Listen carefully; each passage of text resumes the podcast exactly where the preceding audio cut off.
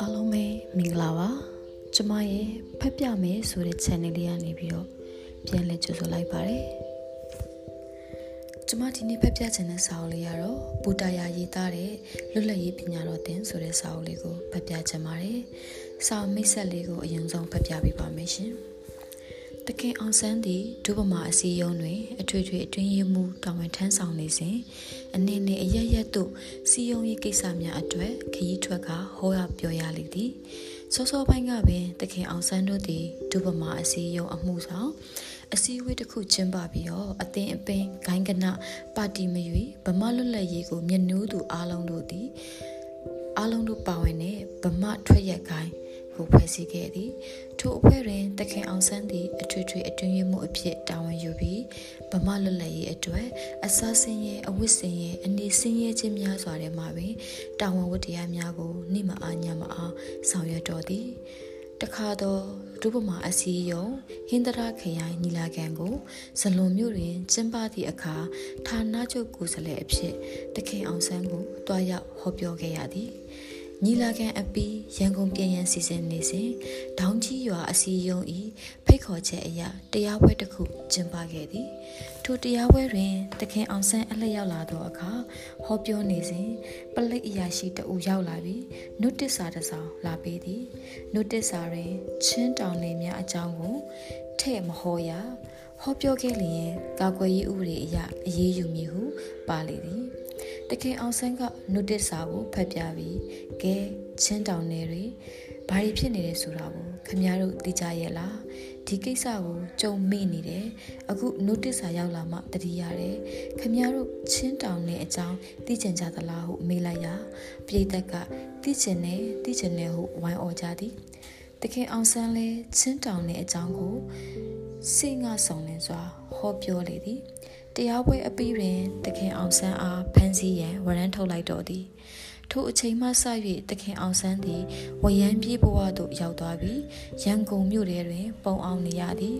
တခင်အောင်ဆန်းသည်ဒုဗမာအစည်းအရုံးနှင့်ဗမာထွက်ရက်ခိုင်းတို့တွင်ပါဝင်လှုပ်ရှားနေသည်သာမက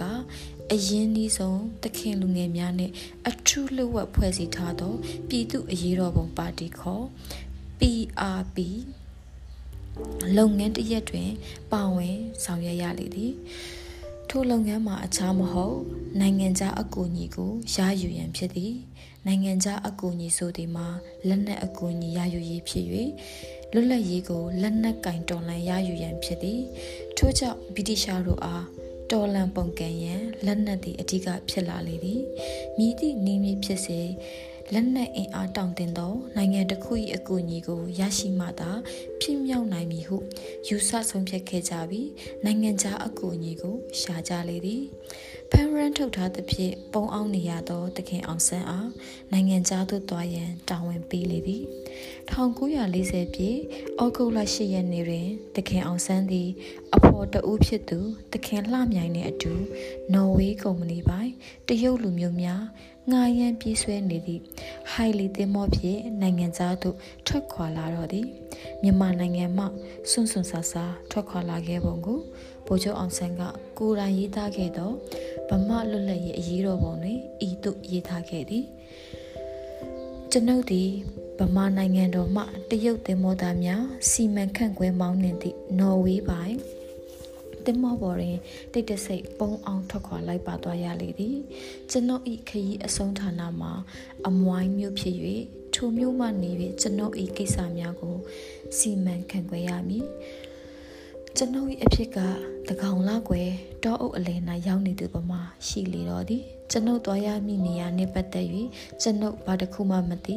ဆွေလည်းမရှိ မျိုးလည်းမရှိကမ္ဘာအရှိပိုင်းအကြောင်းအတူရောင်မြတာသိ၏တည်သည်မြလည်းမရေရာလဆိုးဝါးလေစွာထို့ကြောင့်ပင်ကျွန်ုပ်အရှိတို့ထွက်လာသည့်အရေးမှာအမောင်တိုက်တွင်သက်စင်သည်နှင့်တူလာ၏ဟုကျွန်ုပ်ဆို၏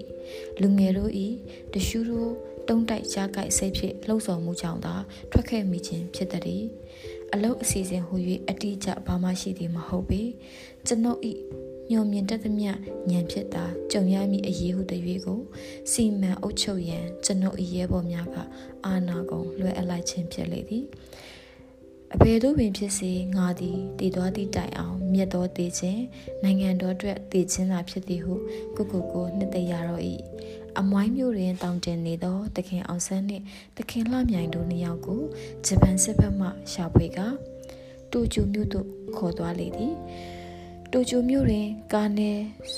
ဆူဇူကီခေါ်မစ္စတာမီနာမီနှင့်တွေ့ဆုံရပြီးတခင်အောင်ဆန်းသည်လွတ်လပ်သောမြန်မာပြည်ပြန်လည်ထူထောင်ရေးစီမံကိန်းတရက်ရည်ဆွဲတင်ပြခဲ့သည်ဂျပန်စစ်ဘက်အရာရှိများနှင့်အတူတခင်အောင်ဆန်းနှင့်တခင်လှမြိုင်တို့၏ ဂျပန်နိုင်ငံတွင်ပညာသင်ကြားရန်ရောက်ရှိနေသောကိုဆောင်တို့ပါဝင်သောမီနာမီအဖွဲ့ကိုဂျပန်အာဏာပိုင်တို့ကဖွဲ့စည်းပေးခဲ့သည်မီနာမီအဖွဲ့၏ပထမအဆုံးအစီအစဉ်အရတခင်အောင်ဆန်းသည်မြန်မာနိုင်ငံသို့ပြန်လာခဲ့သည်မြန်မာနိုင်ငံသို့ပြန်လည်ရောက်ရှိလာသောတခင်အောင်ဆန်းသည်ပြည်သူအရေးတော်ပုံပါတီဝင်များနှင့်တွေ့ဆုံပြီးစစ်ပညာသင်ရန်မြန်မာလူငယ်များကိုခေါ်ယူရေးအတွက်ဆွေးနွေးတိုင်ပင်ခဲ့သည် ထိုလူငယ်များတွင်တခင်ကိုရောမိုင်တခင်များတို့ဦးဆောင်သောဒုဗမာအစည်းအရုံးနှင့်တခင်ထွန်းအုပ်တခင်ဘစိန်တို့ဦးဆောင်သောဒုဗမာအစည်းအရုံးနှစ်ဖွဲ့စလုံးမှလူငယ်များပါဝင်ရေးကိုသာသဘောတူသည်တခင်အောင်ဆန်းသည်1942ခုနှစ်မလ10ရက်နေ့တွင်ဂျပန်နိုင်ငံသို့ပြန်ရောက်ပြီး ရဲဘော်သုံးချိတ်ပထမအတော့အဖြစ်ကိုထွန်းရှိန်တခင်ဘကျန်တခင်လှဖေနှင့်တခင်အေးမောင်တို့ကိုခေါ်ယူသွားခဲ့သည်ဒုတိယအတော့အဖြစ်တခင်စောလွင်တခင်ဆူတခင်တင်အေးတခင်ထွန်းရွှေကိုရွှေတခင်တန်းတင်နှင့်ကိုအောင်သိန်းတို့သည်1941ခုနှစ်ဧပြီလ23ရက်နေ့တွင်မြန်မာပြည်မှထွက်ခွာခဲ့ကြသည်တတိယအတုပ်တွင်တခင် ခင်မောင်ဦးတခင်ဆန်မြနှင့်တခင်လှမောင်တို့ပါဝင်ပြီး1941ခုနှစ်မေလအတွင်းတွင်ရန်ကုန်မြို့မှထွက်ခွာခဲ့ကြသည်စတုဒ္ဓတုပ်အဖြစ်တခင်ရှုမောင်တခင်ကျော်စိန်တခင်ငွေတခင်ဆန်လိုင်းတခင်ထွန်းခင်တခင်ထွန်းလွင်တခင်ထွန်းအောင်တခင်မောင်မောင်တခင်လတခင်တစ်နှစ်တခင်တန်းညွန့်တို့သည်ရန်ကုန်မြို့မှ1942ခုဇူလိုင်လ10ရက်နေ့တွင်ထွက်ခွာခဲ့ကြသည် ထို့အပြင်တခင်တန်းတင်တစ်နှစ်တခင်တန်းတခင်အောင်တန်းတို့မှာထိုင်းမြန်မာနယ်စပ်သို့ဖြတ်ကျော်၍ထိုင်းနိုင်ငံမှတဆင့်ဂျပန်နိုင်ငံသို့တွားရောက်ခဲ့ကြသည်ဂျပန်တို့သည်ဆန်ရစစ်ပညာသင်ကျောင်းကို1942ခုဧပြီလ25ရက်နေ့တွင်စတင်ဖွင့်လှစ်ကမြန်မာမျိုးချစ်လူငယ်များကိုစစ်ပညာသင်ကြားပေးခဲ့သည်မြန်မာလူ မြန်မာမျိုးချစ်လူငယ်30အနက်တခင်ထွန်းအောင်နှင့်တိုချိုမြို့တွင်အုပ်ချုပ်ရေးပညာရှိမှုနေ၍၎င်းကိုဆောင်သည့်မိနာမီအဖွဲ့၏တာဝန်ပေးချက်အရထိုင်းမြန်မာနယ်စပ်ကိုလှုပ်ဝက်စွာဖျက်ချော်၍ရောက်ရှိလာမည်မြန်မာလူမျိုးလူငယ်များကိုစောင့်ကြိုရန်ဇင်းမယ်တွင်တာဝန်ထမ်းဆောင်နေရသဖြင့်၎င်းတခင်တန်းတင်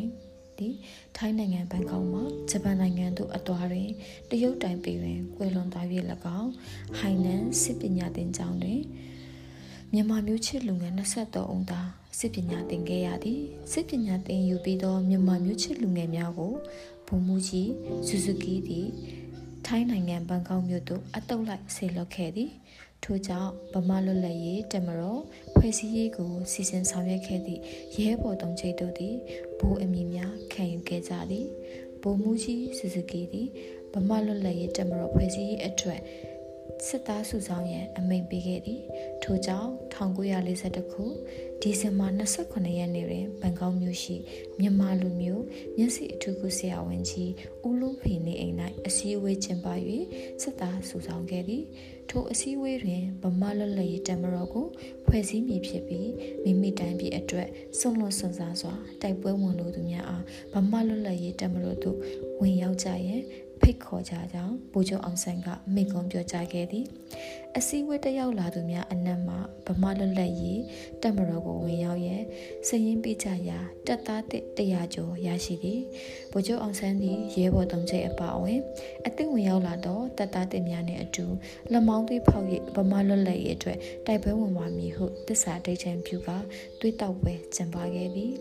ထိုင်းနိုင်ငံတွင်ဖွဲ့စည်းခဲ့သောဗမာလွတ်လပ်ရေးတပ်မတော်သည်မြန်မာနိုင်ငံအတွင်းသို့စစ်ကြောသုံးကြောင်ဖြန့်၍ဝင်ရောက်တိုက်ခိုက်ခဲ့သည်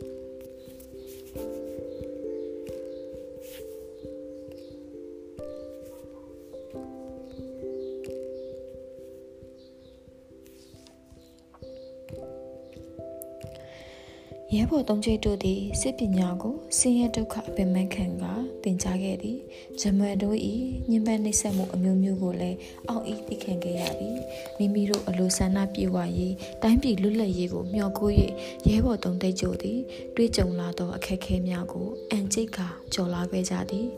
ဤသို့ဖြစ်ဗမာလွတ်လပ်ရေးကိုပါရယူရာတွင်ရဲဘော်သုံးချိတ်တို့ပါဝင်ခဲ့လေသည် ထို့သောလွတ်လပ်ရေးအတွက်တိုက်ပွဲဝင်သူများကိုနှောင်းလူတို့သင်ခန်းစာယူနိုင်စေရန်စာတစောင်ပေတစ်ဖွဲ့အဖြစ်မှတ်တမ်းမှတ်ရများကြံရစ်ခဲ့ရန်ရှိခဲ့ရန်လိုအပ်လာသည်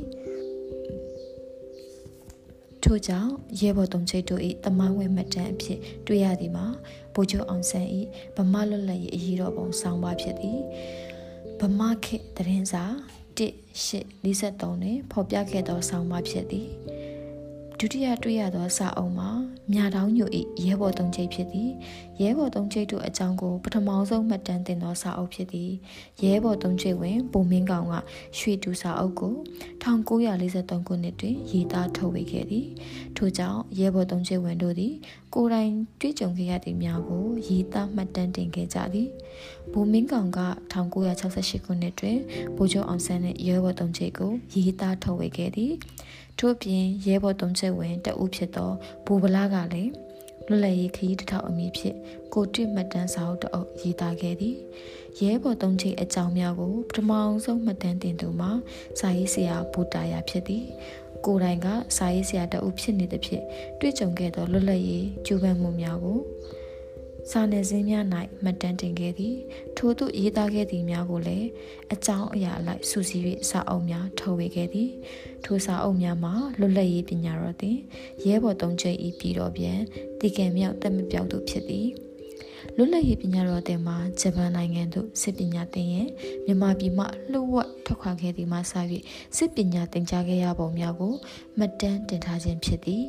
အခုဖော်ပြခဲ့သောဆောင်းပါးများကိုအခြေပြုပြီးနောက်ထပ်ရှောက်ပြီးတွေ့ရှိထားသောစာရေးဆရာဘူတာရ၏လွတ်လပ်ရေးကြိုးပမ်းမှုဆိုင်ရာဆောင်းပါးများကိုပါစုစည်း၍လွတ်လပ်ရေးပညာတော်သင်နှင့်လွတ်လပ်ရေးကြိုးပမ်းမှုဆိုင်ရာမှတ်တမ်းများကိုရဲဘော်တုံးချိတ်တို့၏လွတ်လပ်ရေးကြိုးပမ်းမှုတမိုင်းကိုလေ့လာရ၌အထောက်အကူဖြစ်နိုင်မည်ဟုယုံကြည်သဖြင့်တင်ဆက်လိုက်ပါသည်မြင့်ဆွေဦးဒါကတော့အဖွင့်စာလေးဖြစ်ပါတယ်